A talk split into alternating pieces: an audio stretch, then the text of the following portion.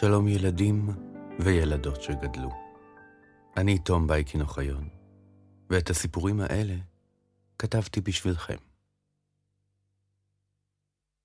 התחלנו שנה חדשה, ונראה שבינתיים לא הרבה השתנה מלבד התאריך.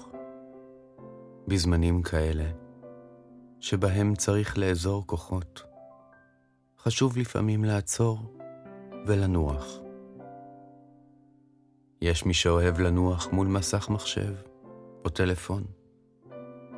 יש מי שאוהבת להתקרבל בשמיכה עם ספר טוב, אפילו לכל היום. ואני, אני אוהב לנוח על כיסא, באולם התיאטרון.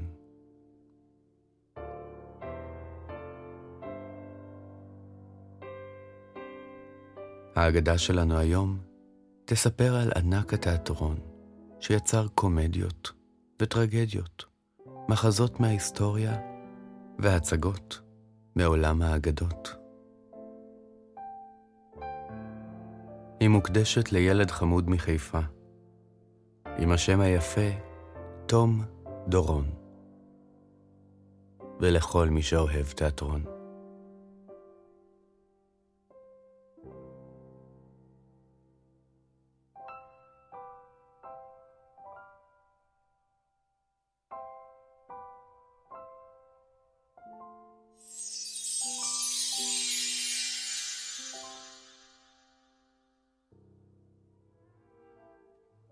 השם ויליאם שייקספיר מעורר אצלנו יראה והערצה, השמורות ליוצרים הגדולים ביותר שהאנושות זכתה להכיר. אך כשהוא נולד, בשנת 1564, בעיירה סטרטפורד אפון אייבון, לא הרחק מלונדון, איש לא ידע שיגדל להיות המחזאי הגדול ביותר בכל הזמנים. אביו של ויליאם היה מעבד אורות, אדיב, מנומס ורציני, שזכה לכבוד רב בקהילתו. מעורבותו בענייני היום-יום של העיירה ונכונותו ליישב סכסוכים ולעזור לחבריו, זיכו אותו במשרה המכובדת של תואם השחר העירוני, ולאחר מכן גם במשרת ראש העיר. בכל בוקר היה האב מלווה את בנו לבית הספר, ומברך את העוברים והשבים בחביבות. כשהשניים עברו ליד הבית הגדול והמפואר ביותר בעיר, שהיה שייך לאחד מסוחריה העשירים, אמר האב לבנו, באמצעות עבודה קשה והגינות, תוכל גם אתה יום אחד לגור בבית גדול כזה. בית הספר היוקרתי של העיירה היה מיוחד מאוד. תוכנית הלימודים שלו שיקפה את האמונה שחינוך הילדים לא יכול להסתמך רק על לימוד כתיבה, חשבון ותנ"ך. הוא צריך גם להעשיר את רוחם בלימוד שירה, היסטוריה ופילוסופיה. מן המקורות הקלאסיים. ויליאם הצעיר אהב את לימודיו, והשקיע בהם הרבה. הוא למד את השפה הלטינית, ושינן שירים שלמים בעל פה. אהובים עליו במיוחד היו שיריו של אובידיוס, סיפורי ההיסטוריה של פלוטרכוס והמחזות של סנקה. הכותבים הגדולים האלה כמעט לא נלמדים היום, בבתי הספר. אך אם תהיה לכם הזדמנות לפתוח את ספריהם, תגלו בהם עולמות זוהרים של קסם וחוכמה. כשהוא מוקף באושר זה, ויליאם חשב שחייו סלולים ומתוכננים.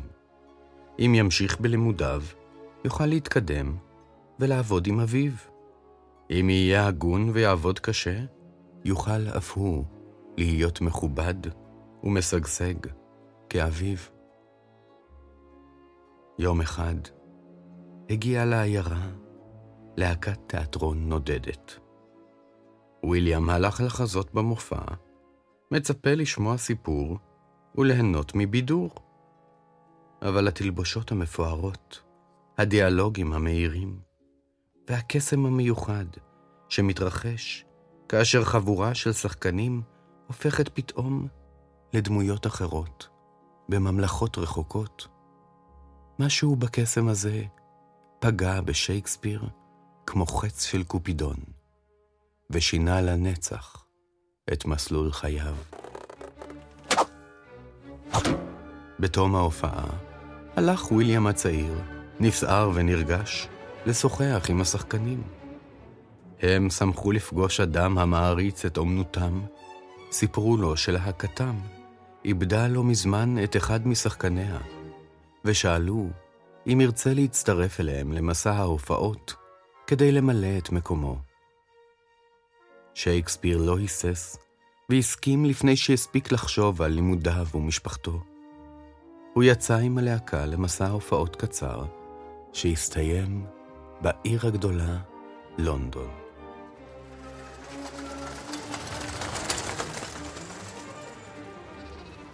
בלונדון השוקקת, הכל אהבו לבקר בתיאטרון, אך ראו בו תחום עיסוק מפוקפק.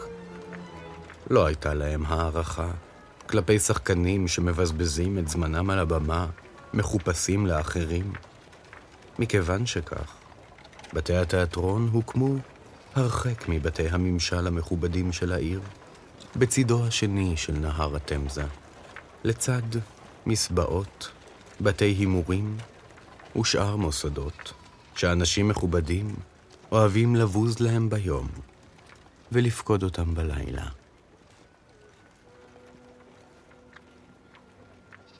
מסע ההופעות הזה היה חוויה מופלאה לוויליאם הצעיר, והוא נהנה מכל רגע.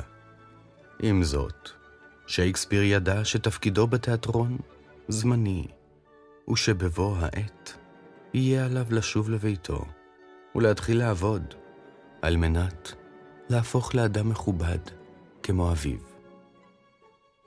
בתום המופע האחרון, קד שייקספיר לקהל, בפעם האחרונה. חזר לסטרטפורד אפון אייבון, התחתן עם עלמה ממשפחה טובה, והחל לעבוד בעבודה המכובדת, האפורה והמשעממת של פקיד בבית המשפט. למשפחה הצעירה נולדו שלושה ילדים, יפים וחמודים. היה להם בית נאה ודי הכנסה כדי להבטיח שמעתה ינועו חייהם על מי מנוחות. כמו דוגית באמצע אגם ללא רוח. עם זאת, משהו היה חסר בליבו של ויליאם הצעיר. משהו לא הסתדר. בעולם התיאטרון יש מונח לבעיה הזו. קוראים לה חיידק הבמה. מדובר בחיידק אשר מדי פעם מתיישב בקרביהם של אנשים שחוו את פיק הברכיים שמופיע לפני פתיחת המסך. את ההתרגשות שבמופע החי מול קהל מצפה. את הפחד מפני טעות או מעידה. ואת הכבוד והגאווה שיש בהשתחוויה בתום הופעה מוצלחת. במהלך מסעו הקצר עם הלהקה הנודדת, נדבק ויליאם בחיידק הזה. הוא התגעגע לכל מחיאות הכפיים, כפי שספן, הכלוא ביבשה, מתגעגע לכל הגלים. בכל כוחו ניסה להשלים עם חייו ועבודתו ולהסתפק בחלקו. אך היה זה כמו להשלים עם נצח של שמיים אפורים, אחרי שראית קשת בענן. אחרי שנים אחדות בביתו, הודיע ויליאם לאשתו ולילדיו שעליו לחזור ללונדון כדי להגשים את ייעודו בתיאטרון. הוא הבטיח לבקר בבית ככל שיתאפשר לו, ולשלוח אליהם כספים ברגע שאלה יהיו בנמצא. כך, בין הכאב של המרחק ממשפחתו להתרגשות שבתחילת הרפתקה חדשה, נטש ויליאם את חייו ויצא ללונדון.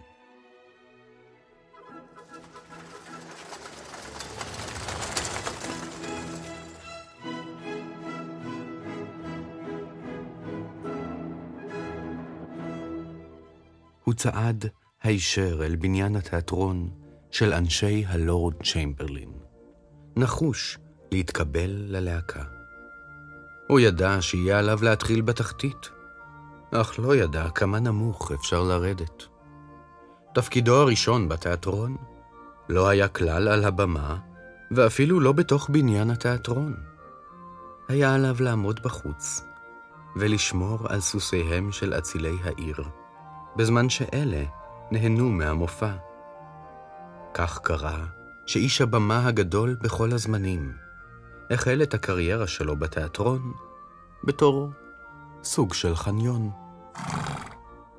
התפקיד הנמוך לא דכדך אותו. העולם הוא במה, ואני השחקן הצועד עליה, אמר לעצמו, והחל למלא את תפקידו באופן הטוב ביותר. הוא זכר את שמותיהם של כל האצילים ושל סוסיהם, ודאג להתבדח איתם, בעודו עוזר להם לרדת מכרכרותיהם, ומלווה אותם אל הכניסה לתיאטרון. אופיו הנעים ולשונו החדש של האלם כבשו את ליבם של האצילים שפגש, וכעבור זמן לא רב, לקח אותו אחד האצילים תחת חסותו, והמליץ למנהלי הלהקה לקבל אותו לשורותיהם. שייקספיר שמח מאוד על ההזדמנות, אבל הופתע מהעבודה וההשקעה שנדרשו משחקן צעיר כמותו.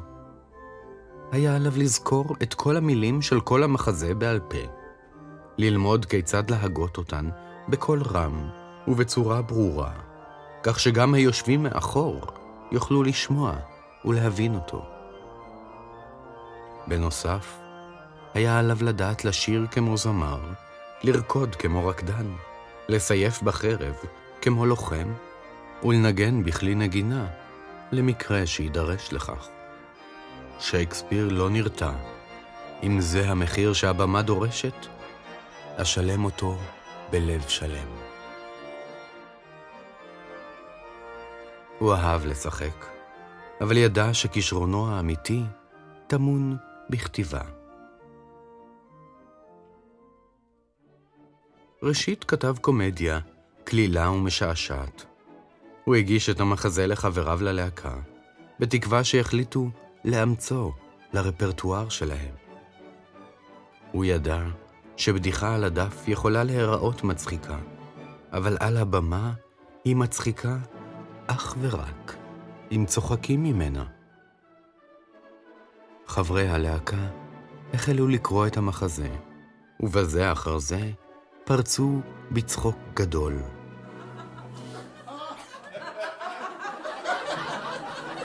לא עבר זמן רב, ושייקספיר הפך למחזאי הראשי של הלהקה. ויליאם שייקספיר קם בכל בוקר, מאושר לעבוד עם הלהקה על ההצגה היומית. הוא ניהל את החזרות, והכין את כולם לרגע שבו המסך נפתח וההצגה מתחילה. בצהריים תפס את מקומו על הבמה לצד חבריו, שיחק את תפקידו ועקב בדריכות אחר תגובות הקהל. עם ערב, ישב בביתו לאור נרות, ערך תיקונים במחזה שזה עתה עלה, ועמל על כתיבת המחזה הבא. בלונדון היו הרבה תיאטראות, ובכל ערב התחרו אלה באלה על קהל הצופים. הצגה מוצלחת עלתה לעתים פעמיים באותו היום למשך שבועיים. שאחריהם כבר דרש הקהל משהו חדש. שייקספיר עמל לילות כימים, וכתב עוד ועוד מחזות חדשים, כולם יפים, שנונים ומלאי קסם. הוא כתב מחזות היסטוריים על מלכי אנגליה הישנים, כשהוא מתאים עצמו לטעמו של הקהל בתקופתו. לצידם העלה גם קומדיות, קלילות ונבונות, ששימחו מאוד את לבבות הצופים. הקהל בתגובה הצביע ברגליו, ומילא את התיאטרון בכל פעם שעלתה הצגה חדשה של ויליאם שייקספיר.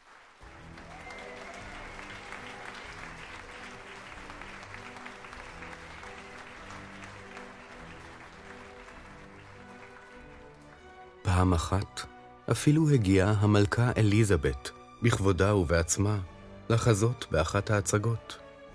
היא התרשמה מכישרונו של המחזאי הצעיר, עד כדי כך שהחלה להזמין אותו ואת להקתו להופיע בפניה בארמון המלכותי. לאור הצלחתו הרבה, לא היה לשייקספיר פנאי לבקר את משפחתו. ילדיו גדלו בלעדיו. והוא התנחם בכך שבכל שבוע שלח לאשתו ולילדיו די כסף כדי שיוכלו לחיות בנחת וברווחה. עם זאת, שייקספיר רצה יותר. הוא אמנם הצליח להצחיק, לרגש ואפילו ללמד את הקהל שלו, אבל לא היה לו די בכך. הוא שאף לגעת בנשמותיהם של הצופים. לשם כך כתב מחזה חדש, הפעם טרגדיה.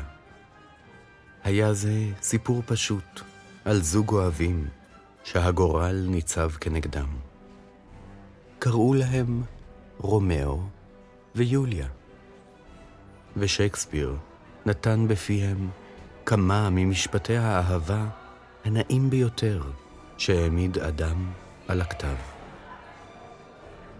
ערב הבכורה הגיע, ושייקספיר התרגש כמו בפעם הראשונה שעלה על הבמה. הייתה זו יצירה שונה מאוד מכל מה שעשה עד כה, והוא דאג שמא הקהל לא יאהב אותה.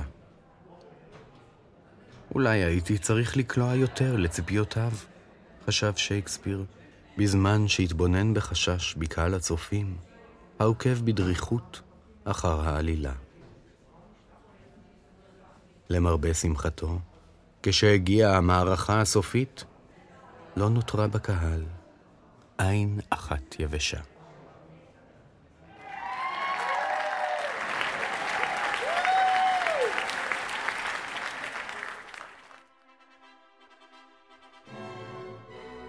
אחד היעדים הגדולים שאליו יכול אומן לשאוף הוא לגעת בנשמת הקהל.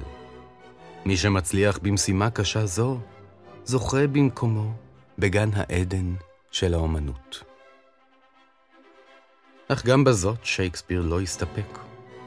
הוא החל לחפש במחזותיו דרכים לגעת בשאלות הגדולות של הקיום האנושי.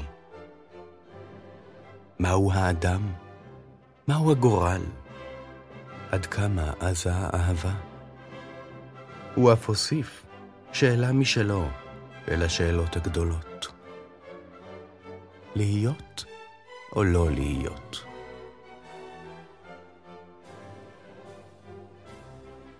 עם זאת, מעולם לא שכח שההצגה נועדה לקהל, ולמרות שמחזותיו הפכו לעשירים ומורכבים יותר, תמיד דאג שיהיו מבדרים ומהנים.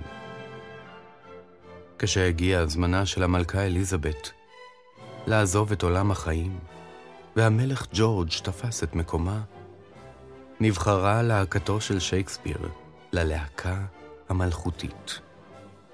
היא שינתה את שמה ל"אנשי המלך", ושייקספיר היה למחזאי הגדול והמצליח ביותר בלונדון.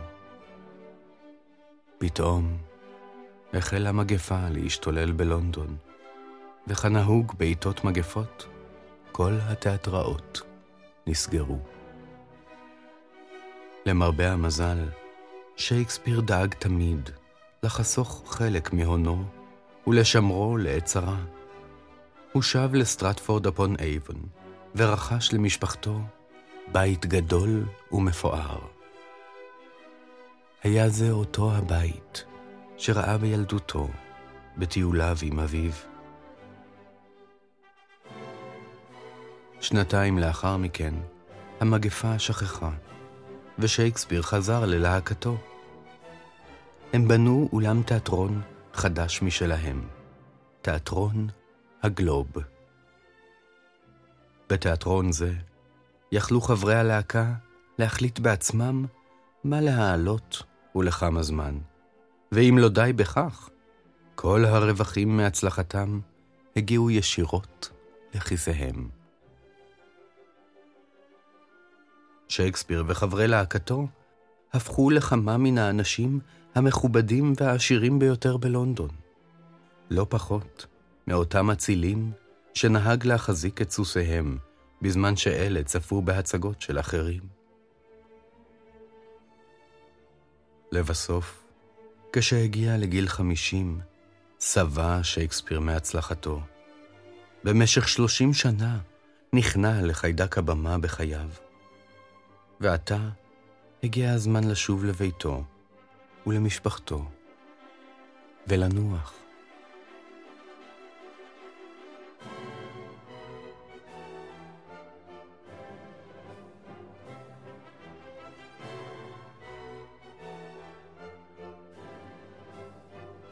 בזכות שייקספיר ותיאטרון הגלוב, אומנות התיאטרון הפכה לאומנות מכובדת ומוערכת על כולם. ומקצוע השחקנים, שבעבר נהגו לזלזל בעוסקים בו, הפך לאחד המקצועות הנחשקים ביותר בעולם. עד היום, רבים אוהבים לעקוב אחר שחקנים גדולים, לראות את יצירתם ולקנא בחייהם. מחזותיו של שייקספיר נותרו על הבמה מאז שנכתבו. גם היום, אם תבדקו את תוכניית התיאטרון בעירכם, תמצאו שם לפחות הצגה אחת מאת ויליאם שייקספיר.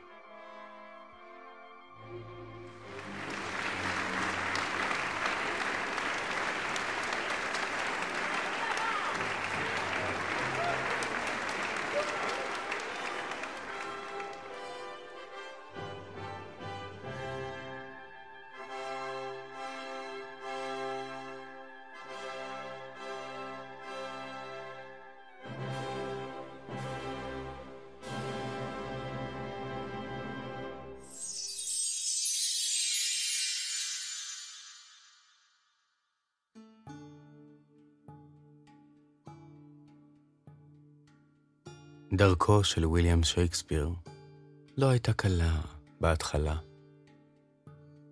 אבל הוא היה נחוש לחתור קדימה כל הדרך אל ההצלחה.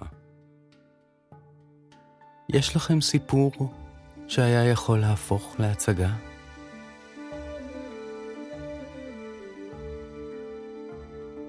לכם יש את האומץ לעמוד על הבמה? אם אהבתם את האגדה, ואתם רוצים לתמוך ביצירה שלנו, אתם מוזמנים לרכוש את הספרים שלנו מאתר הוצאת פנק, או לתמוך בפטריון של אגדות אמיתיות. אם אתם רוצים שאגיע לבית ספריכם ואספר לכם אגדות חדשות, ניתן לעשות זאת דרך סל תרבות ארצי, או דרך גפן. מלבד האגדות האלה, עוד אגדות מחכות לכם בפודקאסט שלנו, אגדות אמיתיות. למרות שבדרך כלל, כל עונה שלנו מכילה רק שמונה פרקים, אגדה זו הייתה הפרק ה-16 בעונה הנוכחית. בשבועות הקרובים נערוך הפסקה קצרה ברצף הפרקים. ובינתיים נעלה מחדש את האגדות שנאלצנו לחלק לכמה פרקים בשלמותן. כדי שיהיה לכם נוח יותר להאזין להן. מיד אחר כך נחזור עם פרק חדש בכל שבוע, עד סוף המלחמה. ואם רק תסתכלו טוב טוב, תראו שכל אחד ואחת מכם הוא כבר גיבור של אגדה.